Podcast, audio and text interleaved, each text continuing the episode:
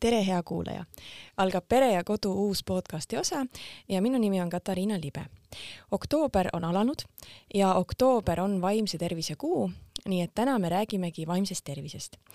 ja et ei oleks igav ja kuiv, siis me ei räägi ühegi eksperdiga, kes siis meile teoreetilist juttu ajaks, vaid inimesega, kes on üht-teist ise omal nahal kogenud ja mis on kõige ägedam, ta on julgenud sellest ka oma tööandjale rääkida et tööandja saaks siis teda paremini mõista. ja mul ongi külla tulnud Triin Meri Raudkivi. tere! tere, Triin! räägi siis kõigepealt äh, oma elust tänasel päeval, kuidas sul täna läheb, millega sa tegeled? mul läheb täna päris hästi, kui kokkuvõttes võtta, siis on hästi äh,. ma käin tööl, ma olen vaimse tervise lektor. oktoobrikuu, nagu sa mainisid, ongi vaimse tervise kuu, siis olen ka püstitanud uue eesmärgi, ma lähen vaimse tervise esmaabikoolitusele ehk olla ka ise vaimse tervise esmaabiandja äh,. tuleb huvitav seiklus ma olen enam kui kindel. ja töötan, olen vabatahtlik ja teen kõike, mis ma tunnen, et on vaja teha, et olla ise terve ja näha elus seda päikest vihmases sügiskuus mis see tähendab vaimse tervise lektor? kus sa siis mingeid loenguid pead? vaimse tervise lektor on inimene, kes on läbinud vaimse tervise koolituse. olen noorte vaimse tervise liikumise meeskonna liige, mis kuulub Peaasi alla. peaasi on siis emaettevõte, siis tuleb grupp, kus siis noored tegutsevad ja seal tuli siis pakkumine, kes soovib, see saab minna koolitusele ja ma olin nagu võiks minna, aga ei peaks ja siis ma olin okei okay,, ma teen selle koolituse ära, sest võib-olla minu lugu võib kellegi elu päästa, päästa ja ma läksin. ja koolitus oli väga tore, mulle meeldis, aga oma lõputööd äh, prooviloengut kaitsesin ma üldse haiglas äh, psühhiaatrikliinikumis, sest noh, sa võid endast kõike ära anda, aga sa ise muutud tühjaks ja minul oligi tühjus ja siis ma olin läbi põlenud ja siis ma kaitsesin selle töö ära ja nüüd pärast taastumist, ma võtsin kaks kuud taastumiseks, nüüd ma olen siis lektor. on nagu võimalus kutsuda vaimset, vaimsest tervisest kõnelema inimesi nagu koolidesse, noortekeskusesse. Ja siis ma tegelen sellega, meil on äh, suur tiim. Äh,, meil on palju lektoreid, kes on valmis seda tegema, tege-, seda nagu loengut andma. Ja minu piirkonnad on praegult äh, Harjumaa mingi osa, nii palju kui ma saan kutsekoolid, Järvamaa ja osaliselt ka Pärnumaa, aga mitte niivõrd tugevalt ja kui vaja kuhugi mujal minna, siis ma lähen, aga ma olen võtnud fookusesse ikkagi Järvamaa, kus ma pärit olen ja kutsekoolid, sest ma õppisin kutsekoolis ja ma tean, paljudes kutsekoolides tegelikult psühholoogi ei ole. Ja see kuidagi, see paneb mind muretsema ja seda enam ma tunnen, ma pean seda tegema nagu, mitte see peab, pead nagu keegi käsib vaid see sisemine soov, et sa pead seda tegema, et sa võid kellelegi anda eluks selle boost'i ähm,. minu esimene loeng oligi septembrikuuses. eelmine reede siis äh, käisin Loo noortekeskusse rääkimas koos oma kaaslektoriga Helenaga ja meil läks väga hästi, oli vähe noori, aga me olime põnevil ja minu jaoks oli see esimene kord ja kokkuvõttes läks väga hästi, me andsime tagasisidet ja seda enam, kui me teeme seda tööd, me ei tea, kellele seda päriselt vaja läheb. Ähm,, me ei tea, kas kellelgi on probleeme või ei ole, aga me tahame teha seda ennetustööd, et nad jõuaksid õigel ajal abini ja nad ju julgeksid küsida abi. sest kui ma mõtlen oma loo peale, ma rääkisin hästi pikalt oma emaga, kus tegelikult sai minu lugu alguse, siis ema ütles kõige domineerimaks faktiks on minu venna kaotus. ma olin kolmeaastane, kui ma kaotasin oma venna ja terve perekond oli leinas. Ähm, kolmeaastase tüdrukule sa võib-olla ei oskagi kõike selgitada ja ei oskagi või ei oska tuua metafoore või selgitada nii, nagu laps saaks aru. ja kuna ma nägin, et mu perekonnal on raske, e, nagu mu vanematel, mu õel ja vendadel, siis ma ei teadnud, mida teha ja ema, noh, nii palju kui mina tean um, mu ema ütles, mu isa kaotas näiteks üheks kuuks matemaatilise oskuse, ta ei osanudki matemaatikaga midagi teha, oli haiguslehel kuu aega. kas ta oli matemaatik enne siis? ta on äh, brigaadiülem ühes ettevõttes nagu tegeleb teetööga. ja ta on paljudele suureks eeskujuks, ta on olnud õpetaja, ta on olnud lektor, ta on heitanud õpipoisid üles tugevateks ülemusteks täna ja ma näen, kui palju mu perekond on kasvanud äh,. ma olen tänulik oma perekonna eest, aga neil oli juba siis nagu mingil laadi depressioon, nagu mu ema ütles. aga ma küsin vahele, et mil viisil ja kui te selle venna kaotasite, kui vana ta siis oli? mu vend oli kolmeteistaastane, ta jäi autole esimesel koolipäeval ja ta ei jõudnudki kooli. Me ei taha öelda, et see oli õnnetus ähm,, sest et see, kes sõitis, sellel oli ületatud kiirus ja mu vend sõitis oma uhiuue rattaga sel ajal oli nagu rahalised ajad raskemad, oli, aasta oli kaks tuhat kaks, kui ma vend suri äh,. ja ta tegeles hästi palju aitamisega ja teistele olemas olema, noh, et olla teistele olemas. ja viimane asi, mis mu ema mäletab, mis mu vend ütleski, ema, miks mul nii palju asju vaja teha? Miks ma pean nii palju asju tegema? ema ütles, et on raskemad ajad, paljud maatööd teha, on teha, siis me elasime talus olen maakas äh, loomadega üles kasvanud ja see oli viimane lause, mida mu ema mäletab ja vend ütles, kui ma koolist tagasi tulen, ma aitan võtta sul kartuli ülesse, teeme koos ära. ja need jäidki mu venna viimasteks sõnadeks mu emale. Natukene kisub emotsionaalsemaks mm. -hmm aga kuna ma olin nii väike ja minu vend oli minuga kakskümmend neli seitse suhteliselt, noh, meie vanusvahe oli kümme aastat ainult ja aega mul vanusevahe kaksteist aastat, siis tuleb suurem ja suurem. ehk pesamuna mm, -hmm. ei mhm. ole ära helitatud pesamuna, ma loodan vähemalt ja see oligi see, et minul oli esimene lein, laps, ei tea, mida teha ähm,, oli raske ja ma nägin ka teistel raske ja seal hakkaski see teema pihta, et ma hakkasin endas hoidma. ei osanud rääkida, sest ma ei tahtnud, et keegi oleks kurb, sellepärast mul on nii rasked küsimused või et nagu neid ennast välja ajada ja ma õppisin olema kinnine rohkem. ma tahaks nüüd kohe küsida vahele, et kas sa üldse mäletad, et sa seda, et sa sellest said aru või kuidas sa sellest aru said või mil viisil sina seda kogesid? et vend suri ema ütles mulle, ma vaatasin alati kella ja ema, see oligi, ma jälgisin kogu aeg kella, siis ema ütles, noh, mis sa vaatad, ma ütlesin, vend peaks koju tulema, ema, no küll ta varsti tuleb ja mõni hiljem hetk, mõni hetk hiljem ema hakkab nutma, ma küsin, mis juhtub ähm,. vend läks paradiisi. ma ütlesin, noh, kus on linnud ja kõik sellist, ma tegin nalja, aga ma ei saanud aru. vend oli üks päev kodus, teist päeva, ma ütlesin, aga kus see paradiis on? Parad-, ema avastas, paradiis on igavene ja me ei näegi seda, nagu meie ise ei näe.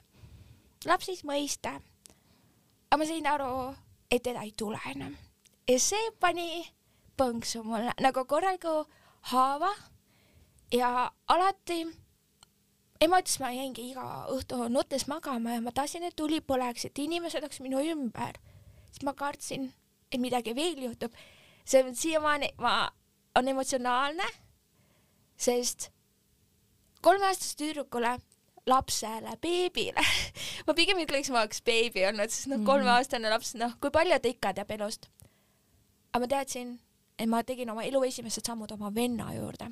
nagu, et mu vend oli hästi selline kõkutava naeruga, kõik ajas näol, alati oli selline positiivne atmosfäär mm. -hmm. sa mäletad teda ka praegu? Läbi piltide ja läbi piltide tulevad mul lood meelde mm, -hmm. et mhm. pildid jutustavad oma loo ja noh, ots-, nii palju ma ei mäleta kui teised, noh, teised olid temaga rohkem kui mina.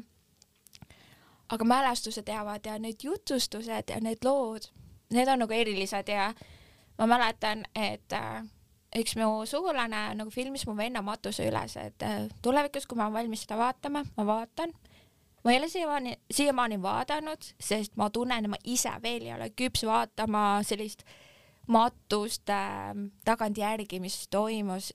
ma olen näinud pilte ja ma arvan, pildid on praeguseks ka minu jaoks piisavad, sest ma ei taha ennast katki uuesti tõmmata. Ja see ongi kolmeaastane tüdruk, kes on alles sündinud kolm aastat tagasi, alustab elu esimese keerkäiguga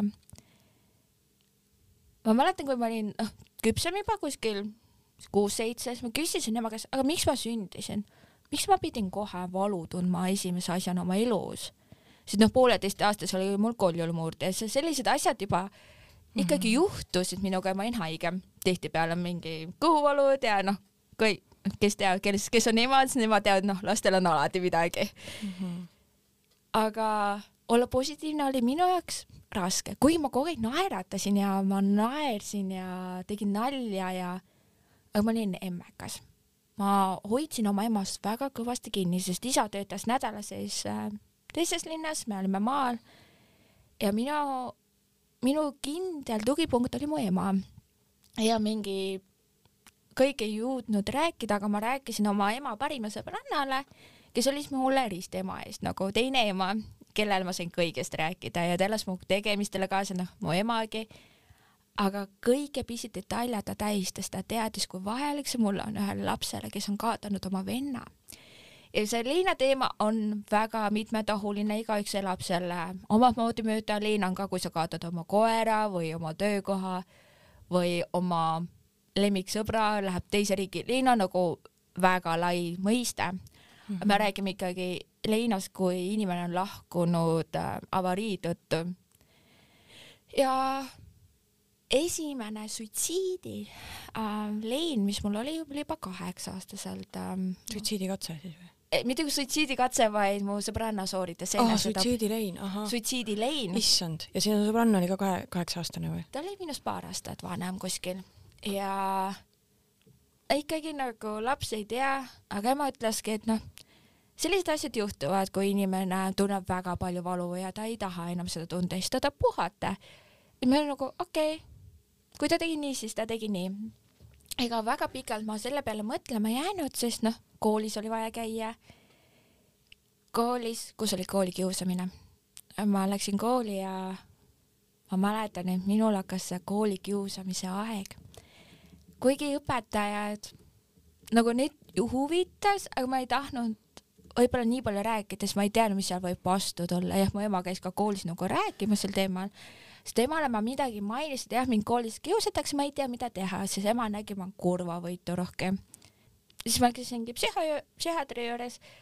ma mäletan, oli üks vanem mees, ah oh,, kuidas ma kartsin teda aga siis me jutustasime ja siis noh, öeldi, et kõik on justkui korras, sest noh, ausalt öeldes mu ema siiamaani paneb depressiooni, mu emal on ka haigusdepressioon ähm, nagu depressioon ei ole nakkushaigus, nagu kindlasti mida seda müüdi kanda, et kui su laps lapsele, nagu kui su emal on depressioon, siis mul ka kindlustab, kindlasti mitte. lihtsalt see liin jättis oma jälje väga tugevalt ja mõni elab seda kergemalt, mõni raskemalt ähm,.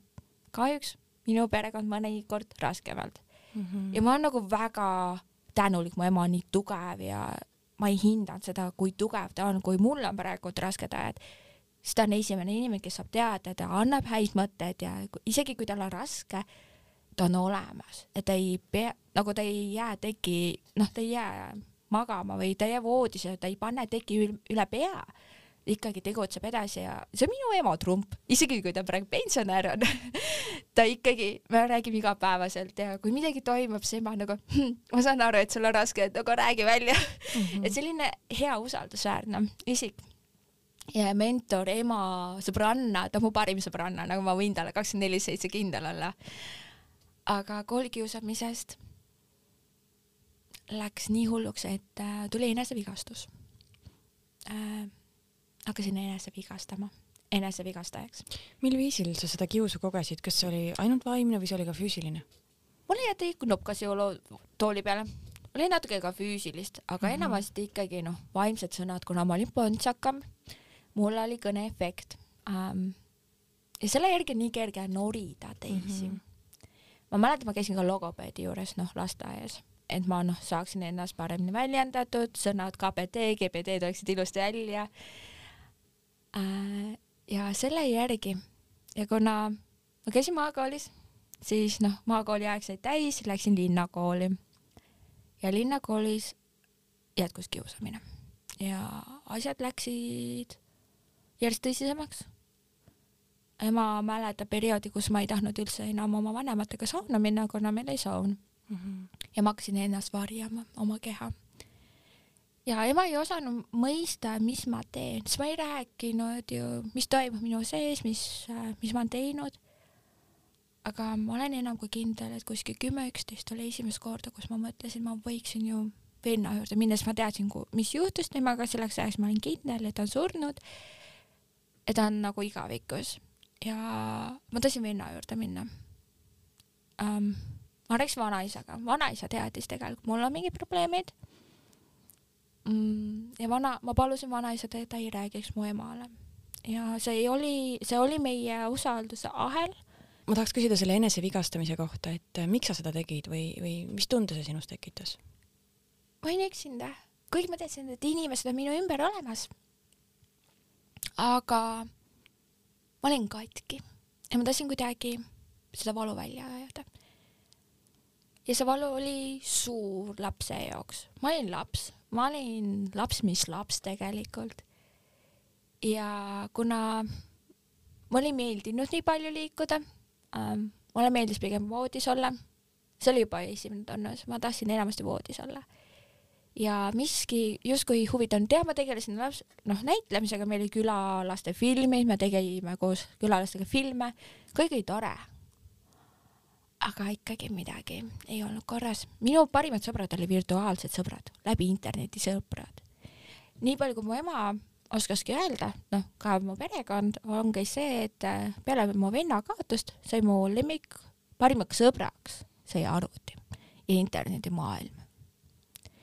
Ja sinna ma mat-, mattusin oma mured, oma mõtted, ma olin kolmas isik, ma ei olnud Triin, ma olin võib-olla Sandra ma tahtsin keegi teine olla, ehk ma võitlesin oma identiteediga väga tugevalt. ja nii see oligi. jah, enesevigastaja ma olin kümme aastat olen kokku olnud. ma nagu mõtlengi, kui ma olin nagu kaheksa aastane esimest korda, siis on isegi pikemalt. aga jah, kaheksa aastaselt kuni ma ei ütle seda viimast vanust praegu ütleme kokkuvõttes, et hästi rohkem kui kümme aastat olen olnud, kümme aastat oma elus olin enesevigastaja, üle kümne aasta. tühimik, valu, mittekuulumine, kibestumine isegi. ja küsimus, miks mina tunnen neid asju, miks keegi teine ei tunne?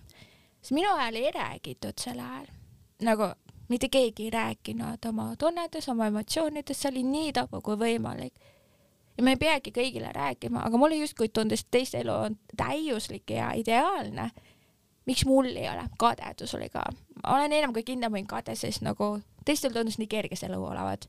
aga mul oli nagu mingi Ameerika mäed või kivi kivi otsa või käbi käbu, käbi otsa mm. um, oli keeruline. ja ma mäletan, kui oli üheksanda klassi matemaatikaeksam, ma põrusin. ma olin kodus ja ma tahtsin sorry ja andsin sõbrale teada, kohe-kohe midagi minuga juhtub. ja sõber helistas üks, üks, kahte, sest ta oli Tartus ja ta ei teadnud, kui asi, kui tõsine see asi on. ma olin kuueteistaastane juba siis. Läksin Paide sotsiaaltöötaja juurde, Paide valla sotsiaaltöötaja juurde koos oma emaga. mul oli piinlik, mul oli häbi, mul oli kõik tunded, sest ma ei tahtnud ju neid, neist rääkida, ma ei tahtnud teisi muretsema panna, mul oli kõik nagu, ma ei taha, et teised muretseksid minu pärast. sest ma saan hakkama, ma olen tugev. ja siis äh, ma mäletan pärast oma sünnipäeva, ma arvan, siis ma olingi juba kuusteist, jah, viieteist aastast tegin ja kuueteistaastaselt läksin haiglasse esimest korda Tartu psühhiaatriakliinikumisse.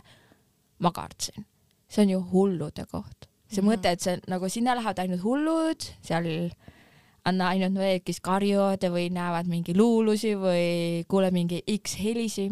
ei, tegelikult see ei olnud selline -hmm. koht. seal oli rohkem nalja ja lõbu ja noh, said teiste noortega ka olla, vaata, kellel on ka mingi probleem. ja siis ma sain aru, jah, mul on tõesti elu katki, nagu murtud süda, nagu mosaik süda mm. -hmm ja selleks ei pea hull olema. selleks ei pea hull olema, täiesti normaalne inimene mm. -hmm.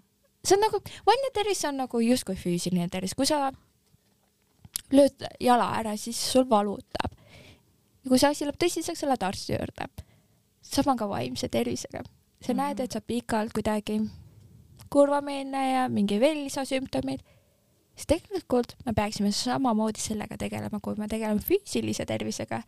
ja meil on kohu, koolides nagu kehaline kasvatus saab liikuda. aga mulle justkui tundub, et noh, vaimsest tervisest nii palju koolides ei räägita, sest noh, stressi me tunneme kõik me kipume asju kiirustama ja ennast lõhki tõmbama oma töökohustustega, oma hobidega. ja seoses haiglaga ma sain aru, et jah, arstid on toredad, nad päriselt tahavad sind aidata.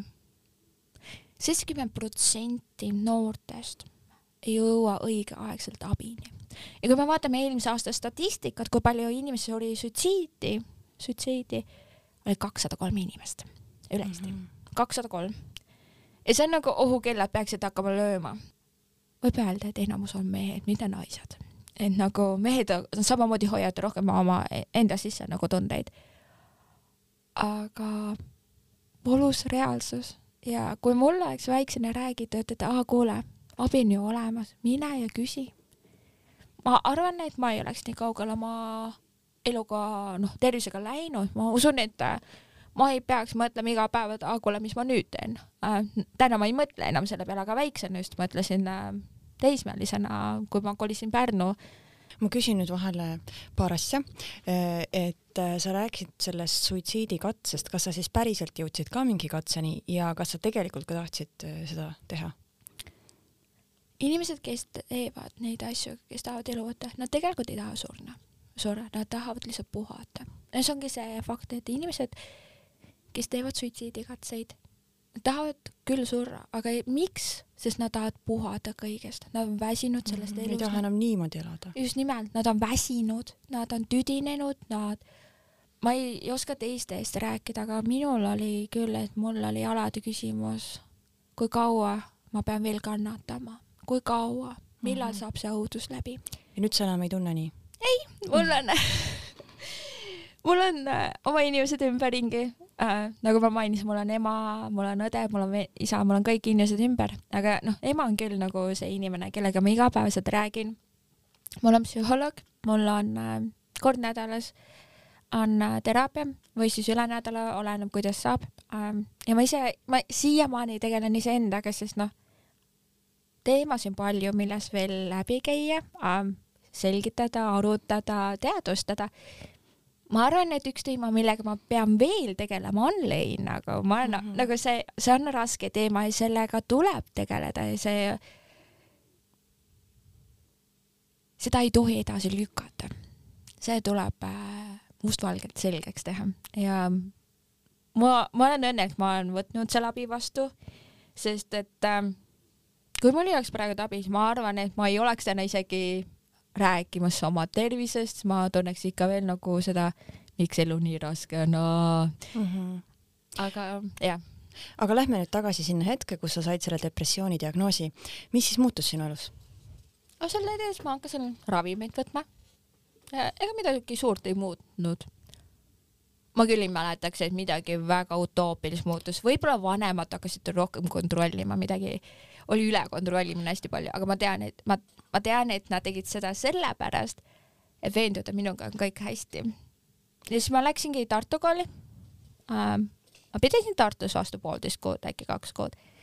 ja siis läksin tagasi Paide, õppisin seal kutsekas ja siis ma nagu ei, mulle ei sobi see eriala, ma tahan Pärnu minna kui no kuule, ma vahetasin omal väga-väga palju, siis vanemad olid nagu, kas sa oled nüüd kindel, et see jääb su viimaseks kooliks, kas sa oled nüüd kiine, kindel, et sa saad nüüd sealt selle hariduse kätte? ma nagu jah, ma olen kindel. ma olin neiu, kes ähm, jättis oma vastutuse ravimeid võtmata, ehk ma otsustasin ise mitte võtta, mitte arsti loal, vaid ma ise tegin selle otsuse ja kui sulle on määratud ravimid, siis sa pead neid võtma. ma tegin seda ja ma mäletan, kui mu ema kirjeldaski, et kui ma ei võtnud ravi, ma olin kuidagi närvilisem. mu emotsioonid käisid nagu Ameerika mäed nagu siksak, siksak ähm, või siis ongi südamelöögid nagu siksak, siksak ähm. ja siis ema tihtipeale küsis, et Kalle, kas sa ravimeid oled võtnud? ja, ja mis võtsin ikka, võtsin võtta aga päris, mis see sinu asi on, nagu kas ma võtan või ei võta? Ja ma nagu kuule, nüüd tule võtame ravimid ära. siis mu ema sai tegelikult mu käitumist juba aru, et ma ei ole ravimi võtnud. Ja see kipub olema sagedane, mida inimesed teevad. Äh,, arst on määranud ravimid, oma vastutusel ma jään, jätan võtmata. Ja ma tegin seda samamoodi. Korduvalt. kahjuks. Äh,, aga see on väär. ma kolisin Pärnu, kõik oli ilus, roosiline. muidugi sel ajal ma unustasin ravimit võtta nagu kooli ajal nagu uued sõbrad, uus linn, olen täisealine fa,, fa-fa-fa, nagu selline ego oli. minust sai ruttu ka klassivanem, kuna ma olin hästi avatud, ma olin suhtleja tüüpi, ma olin positiivne, aga läbipõlemine tuli kergelt ja ma käisin ikkagi psühholoogi juures. sai jälle kõik korda, noh, oligi, mul oli periood, kus oli kõik korras, oli periood, kus ei olnud. Aga teine kursus kutsekoolis ähm, kevad, ma mäletan, et see oli enne volbriööd. me tegime projektiõppes, me tegi, pidime korraldama, oli selline tund, kus me pidimegi tegema ja see oli esmaspäevane päev ja minu jaoks oli kõike liiga palju ja järgmine moment, kui ma mäletan, on see, et ma ärkasin haiglas ülesse, öeldi, et teate, ta oli ta kaheksa tundi koomas. kuidas see juhtus siis?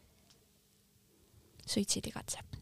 ja see on ka minu viimane suitsiidikatse minu elus, ehk ma olin siis üheksateistaastane, sellest on nüüd möödas kolm aastat. kolm aastat on sellest nüüd möödas, ma võin sellest julgelt rääkida. ma olen sellest üle saanud ja ma olin mõned päevad haiglas, ma läksin ruttu tagasi nagu tagasi kooliellu ja ma tegin oma selle projekti ära, ma sain kõik korda, aga ei süvenenud ka sellele, võtsin ravimeid edasi nagu normaalne, ega ma teraapiasse ei tahtnud minna, siis ma kartsin, mul tekkis psühholoogide hirm, isegi kui ma teadsin, et nad on väga vajalikud, mul tekkis. aga mida sa kartsid? eba, ma kardan, ma ei suutnud enam usaldada inimesi. kas sul tekkis mingi usalduse kriis mingi usalduskriis jah, pigem nagu usalduskriis, sest noh, kui ma usaldasin oma ema kõige rohkem, vanaisa ja oli surnud selleks ajaks juba ammu um,, ja ka ristiema ja mul oli usalduskriis, sest nagu nii palju, kui ma mäletan neid inimesi, keda ma usaldasin, nad kadusid mu elust ära väga kiiresti, kas nad läksid kuhugi teise riiki elama või noh, läksid ähm, igavikku, noh, haiguste tõttu, mida iganes. ja mul oli usalduskriis. ja see on nagu, kui sa usaldad inimest ja ta murrab selle usalduse, siis noh, sa ei saa teda samamoodi usaldada, sa hakkad jälle step by step üles ehitama. aga mul oli kogu psühholoogide osas äh, usalduskriis. kas sa siis kogesid, oli sul mingi ebameeldiv kogemus? mul oli eba, mul oli ka ebamugavad kogemused ja nagu ma ei taha kedagi kritiseerida, aga ähm, koostöö ei sujunud nii, nagu oleks võinud sujuda. me inimestena ei pea kõikidega klappima mm, -hmm. see on täiesti okei okay. psühholoogide usalduskriis ja ka raviarsti usalduskriis um,. ja siis, kui ma olin sellise asja ära teinud, siis ma tundsin, et äh, ma uurin abi Tallinnast. ja mul ongi Tallinnas väga hea raviarst, kellega ma olen väga aus äh,. ma võin talle helistada nagu nädala sees, kui ma tunnen, et midagi nagu justkui viltub, ma olen midagi märganud, mis on nagu pikemaaegne, küsin, kas on okei okay või ei ole, arutan läbi ja kui ta näeb midagi vaja, siis noh, saame kokku visiit. kutsega lõpetasin edukalt ära. tulin Tallinna äh,. ma ei ole suure linna tüdruk, kaugeltki mitte, ma olen maakas, ma jään maakaks äh, ja siis ma alustasin siin õpinguid piiblikoolis äh,, Next Stepi piiblikoolis, oli väga tore aeg, nagu mulle meeldis äh,, aga noh, eks need probleemid tulevad kaasa sinuga mm. -hmm. nagu kuidagi, ma ei tea, kas mulle ainult tundub või paljudel teistel ka, et oh, ma lähen teise riiki, siis kaob mured ära. seda arvatakse tihti jah, aga tegelikult ega enda eest ei põgene. ega see enda eest ei põgene ja ma olin ka selle suhtumisega, kui aus olla ja päris ruttu sai alguse läbipõlemine, nagu väsimus, ei viitsinud jälle midagi teha. ja siis selle aasta veebruaris oli minu jaoks asi väga kriitiline.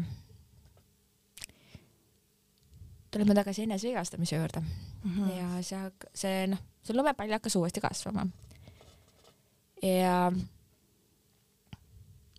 ma kirjutasingi raviarstile, et kuule, ma tunnen, et minuga on väga halvad lood äh,. mul on kiiresti abi vaja. arst vastas kiiresti, kahe päeva pärast ma läksingi vastuvõtule ja siis ma läksin tagasi haiglasse. ma rääkisin, et ma ei usalda psühholooge, ma ei tea, mida teha, ma tunnen, et ma olen jälle üksi ja ma ei saa nagu justkui professionaalset abi või noh, teraapiat ma ei tea, mida teha, et noh, ma tunnen nagu ravimitest praegu justkui ainult ei piisa, et noh, peaks natukene tegelema ka sisemise poolega, et noh mm -hmm., lahti mõtisklema psühholoogia ja mõttemaailma. ja nii see läkski, ma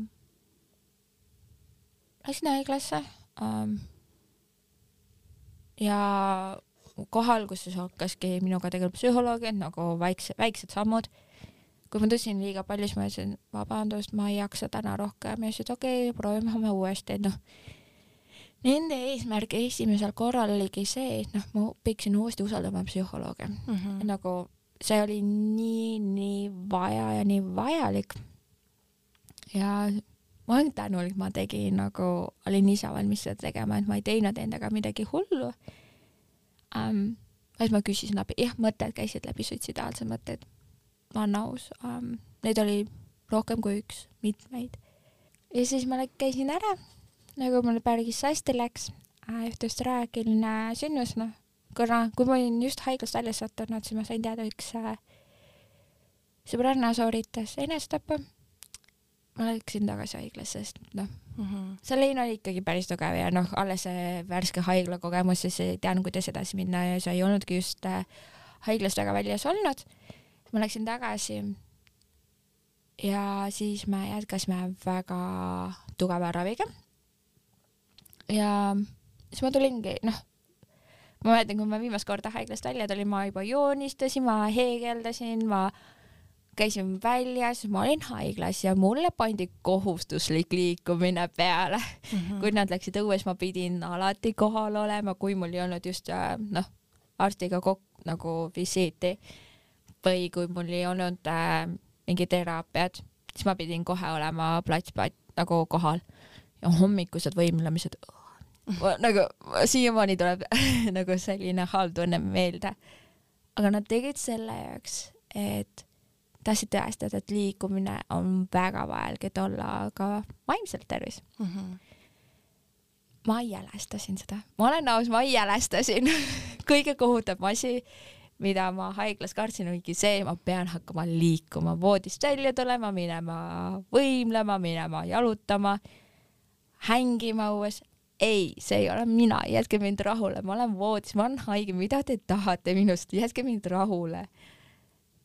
haiglas oli ka no ikkagi sellised mõtted, aga mulle ei, nagu mulle anti stiimulid nagu lihtsalt nagu ravisid stiimulid kui sa tuled jalutama, siis no vaata, mis sa saad teha nagu läbi noh, lillede nagu lapsega tegeleksid. ja minu puhul stiimulid enam ei tujutanud, siis ma nagu, mind ei huvita.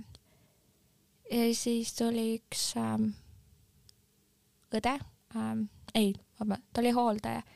siis ta küsiski, et äh, miks sa siin oled haiglas, mis on sinu eesmärk meie haiglas? ma ütlesin terveks saada, ütles, et nii kas sa arvad, et arstid teevad sind terveks nii, et sa ise midagi ei tee või? jah. et ei, kuule, see ei tööta nii mm. -hmm. sina ta annad viiskümmend protsenti, nemad annavad viiskümmend protsenti, see on vastastikune.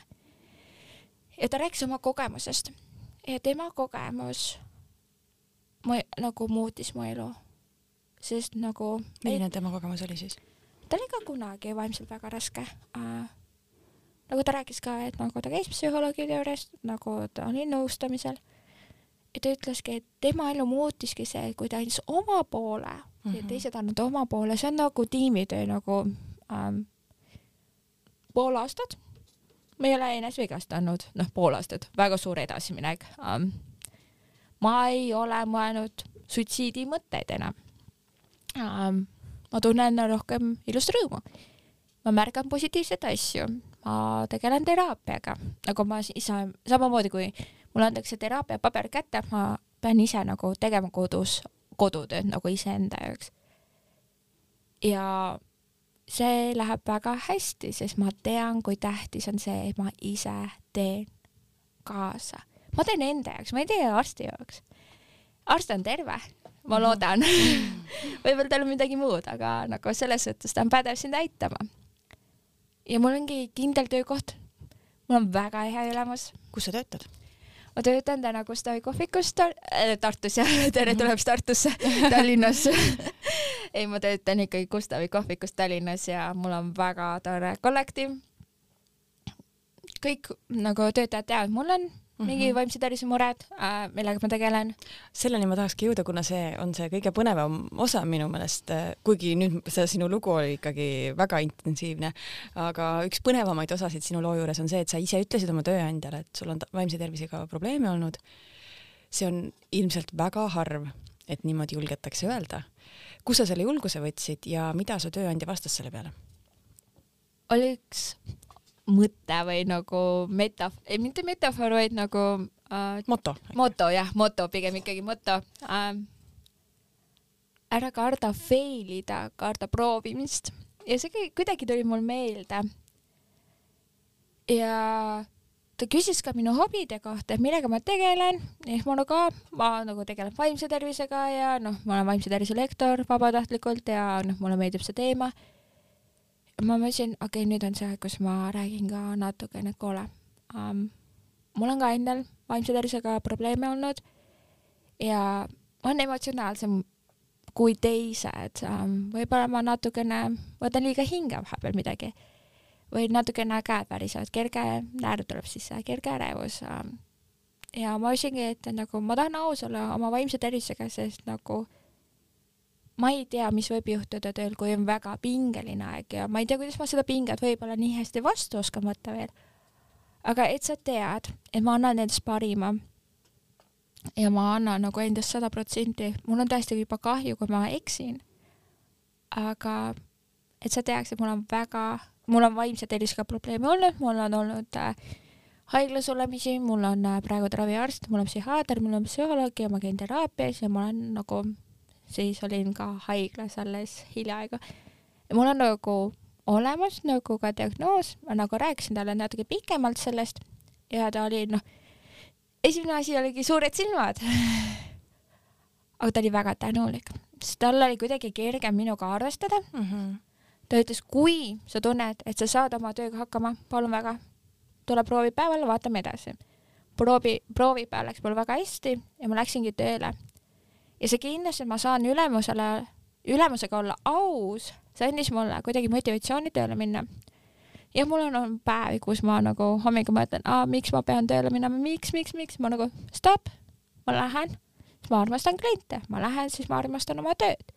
ma muudan kohe oma mõttestiili ära. kui ma taipangule, ma mõtlen midagi väga taburat oma peas. ja see töö, koostöö on sujunud. ma sain teada, et tal on ka oma kogemused olnud vaimse tervisega nagu tema lähikonnas. ja ta ütles, ta annab mulle võimaluse ja seda ma tahtsingi, et ülemus, tulevane ülemus annaks mulle võimaluse, ma näitaksin, kas ma saan hakkama või mitte.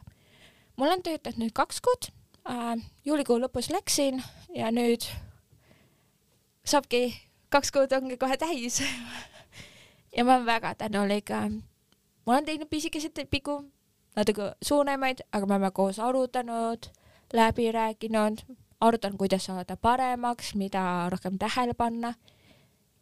ja need tegelikult pisivigu me teeme iga päev nagu juhuslikult või kogemata, aga ideaalne on see, et noh, me ei teeks neid.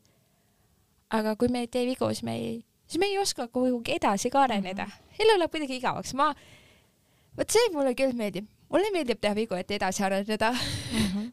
no ma ei tee teadlikult, vaid noh, see tuleb. aga Läbi vigadest vigade õpib. õpib ju jah. just nimelt. ma nagu eelmises töökohas ma olin kuu aega, siis noh, ma ei saanud nii aus olla oma vaimse tervisega.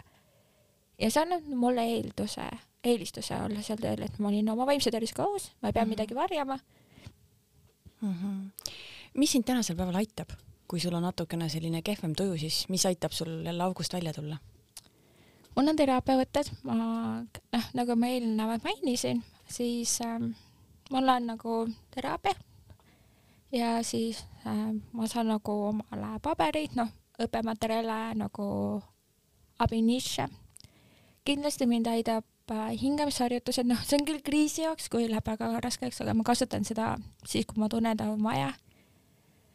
Erinevad äh, abitehnikad, näiteks stopp-tehnika ähm,, noh, guugeldades saab kohe teada, mis on stopp-tehnika äh,. ma proovin, kui mul on väga raske, siis ma proovin oma fookusi kuhugi mujale panna korraks. Või panna ennast kui kolmandasse isiksusse, ehk siis äh, mis tähendab kolmas isiksus, ongi see, et sa oled iseenda sõbranna, sa vaatad ennast, sa oled nagu sõbranna, kes räägib sulle, ehk sinu mm -hmm. tark meel, mida räägib täna sulle tark meel. Nagu mis ütleb praegu sulle tark meel, oletame, ma ei tea, jäid bussist maha, no kõige levinum asi, kui sa elad Tallinnas või Tartus või Pärnus, kus mujal. kui närviliseks me tihtipeale muutume, jälle ma jään tööle hiljaks, hakkad iseennast sajatama. stopp. kas oled selles süüdi, et sinu buss hilineb? ei ole. kas on eluohtlik? ei ole kas sa saad anda teada? jah, sa saad teada, sa saad anda teada, vabandust, ma hilinen. Eh, me oleme inimesed, jah, me ei peaks seda iga päev tegema nagu hilinema tööle, nagu ma ei promo hilinemist. aga kui juhtub, siis nagu tunnistada ja rääkida nagu, mis mind aitab looduses käimine. nüüd ongi see, kui ma vihkasin haiglas kõndimist, nüüd mina armastan kõndimist ma käin koer, koerte varjupaigas, kui mul on nagu vaba päev, ma tean, et ma saan minna, siis kindlasti ma lähen koertega jalutama. koerad on parimad tera-, terapeudid mm., sest sa liigud samal ajal, sa, aga kindlasti korrutan, korrutan, korrutan, räägi, räägi, räägi ja veel kord räägi. ja noh, teised kuula, kuula, kuula ja märka mm. -hmm. sest mida mina jagasin oma Facebooki leheküljel oligi see, et märka kuula ja tegutse. ehk esimene asi ongi see, me peame märkama, me peame oskama kuulata. kuulamine ei tähenda seda, ma lihtsalt, ta räägib blablabla bla, bla, onju, siis ma mingi samal olen oma nutitelefonis või lakin küüsi või koon või heegeldan. sa kuulad teda pingsalt. siis võib-olla ütleb midagi väga olulist või väga ohtlikku ja sa saad selle järgi juba tegutseda. sa ei tohi ette mõelda nagu me oleme inimesed, mõtleme tihtipeale ette, mis ma nüüd ütlen, see ei ole kuulamine, see ei ole hea kuulaja. psühholoogid hästi tihti nagu õpetavad, et noh, kes on hea kuulaja. Hea kuulaja on tegelikult ärimees ju. kui sa mõtled nende LHV meeste peale mhm. kes reklaamivad oma tooteid, oma panka, nad leiavad inimese silmsidet, ta kuulab su ära ja siis ta hakkab sealt võtma neid asju, mis sulle meeldib mm. -hmm. see on nagu hea ärimees on nagu hea kuulaja, kui sa paned tähele nii et ole oma lähedastele hea ärimees. just nimelt, ole oma ärimeestele hea äh,, oma, ole oma lähedastele hea ärimees või psühholoog mm. -hmm. sest tegelikult tihtipeale, kui inimene räägib sulle mure, siis ma mõtlen, mida ma nüüd teen. see, et sa juba kuulad teda see on väga-väga suur asi. sa ei pea oskama anda nõu, sa ei pea oskama tegutseda. aga sa ju oskad ju kuulata ma usun, kui väike laps tuleb sinu juurde, noh, lõi sõrme ära ja sa kuulad ju teda, kuidas see juhtus, sa kuulad teda tähelepanelikult. sama on ka vaimse tervisega, sõbranna tuleb su juurde, noh, kuule, läksin näiteks, olgu see sõber või sõbranna, läksin kutiga, tšikiga lahku, mis ma nüüd teen? ja sa võidki küsida, mida sa tunned, mis sa arvad äh,, kas ma saan midagi teha sinu heaks. kui inimene ütleb, et ei saa, siis tuleta meelde et ma olen sinu jaoks olemas alati, nagu kui sul on midagi, anna teada, ma olen olemas. kui sa juba tunned, et sa oled nagu natuke tühi, siis võib-olla tuled, noh, ütledki sellele inimesele, kuule, et äh, mul tõesti praegu ei ole enda jaoks, endal head ajad ähm,. kas on okei okay,, kui me räägime homme äkki? ma natukene laen iseennast, kas sellega on väga kiire? ja kui ta ütleb, et sellega on väga kiire, siis noh, äkki tead kedagi ta järgmist tuttavat, kes noh, väga hea. ja kui ei olegi, siis soovitage nagu neid ähm, ähm, abilehekülgi, kus saab äh, anonüümseks jääda, on lahendus.net, on peaasi.ee ähm,, on veel tegelikult, on need telefoninumbrid, lasteabi ähm,, kriisiabi. Leina telefon oli isegi minu teada. ja mina olen ka korduvalt helistanud lasteabisse äh, kas olgu siis minu enda murega või seotud või kellegi teise jaoks või lahendus äh, netil kirjutanud äh,. ma olen samamoodi teinud, kui ma tunnen, et see ei ole see teema, millest ma tahaks rääkida oma lähedastega, vaid sooviksin kellegi noh, kolmanda isiku oma tutvusringkonnast väljas nagu nõu saada. ja see on töötanud minu puhul. ma olen täna selles äh, olukorras, kus ma ütlen jah, ma tean, kuidas iseennast kaitsta, ma tean, kus saada abi. ma tean, kes on minu inimesed ja ma armastan iseennast ähm, iga inimene kannab oma raskusi. aga kui ta on väsinud, siis ta hakkab tegelikult märku andma.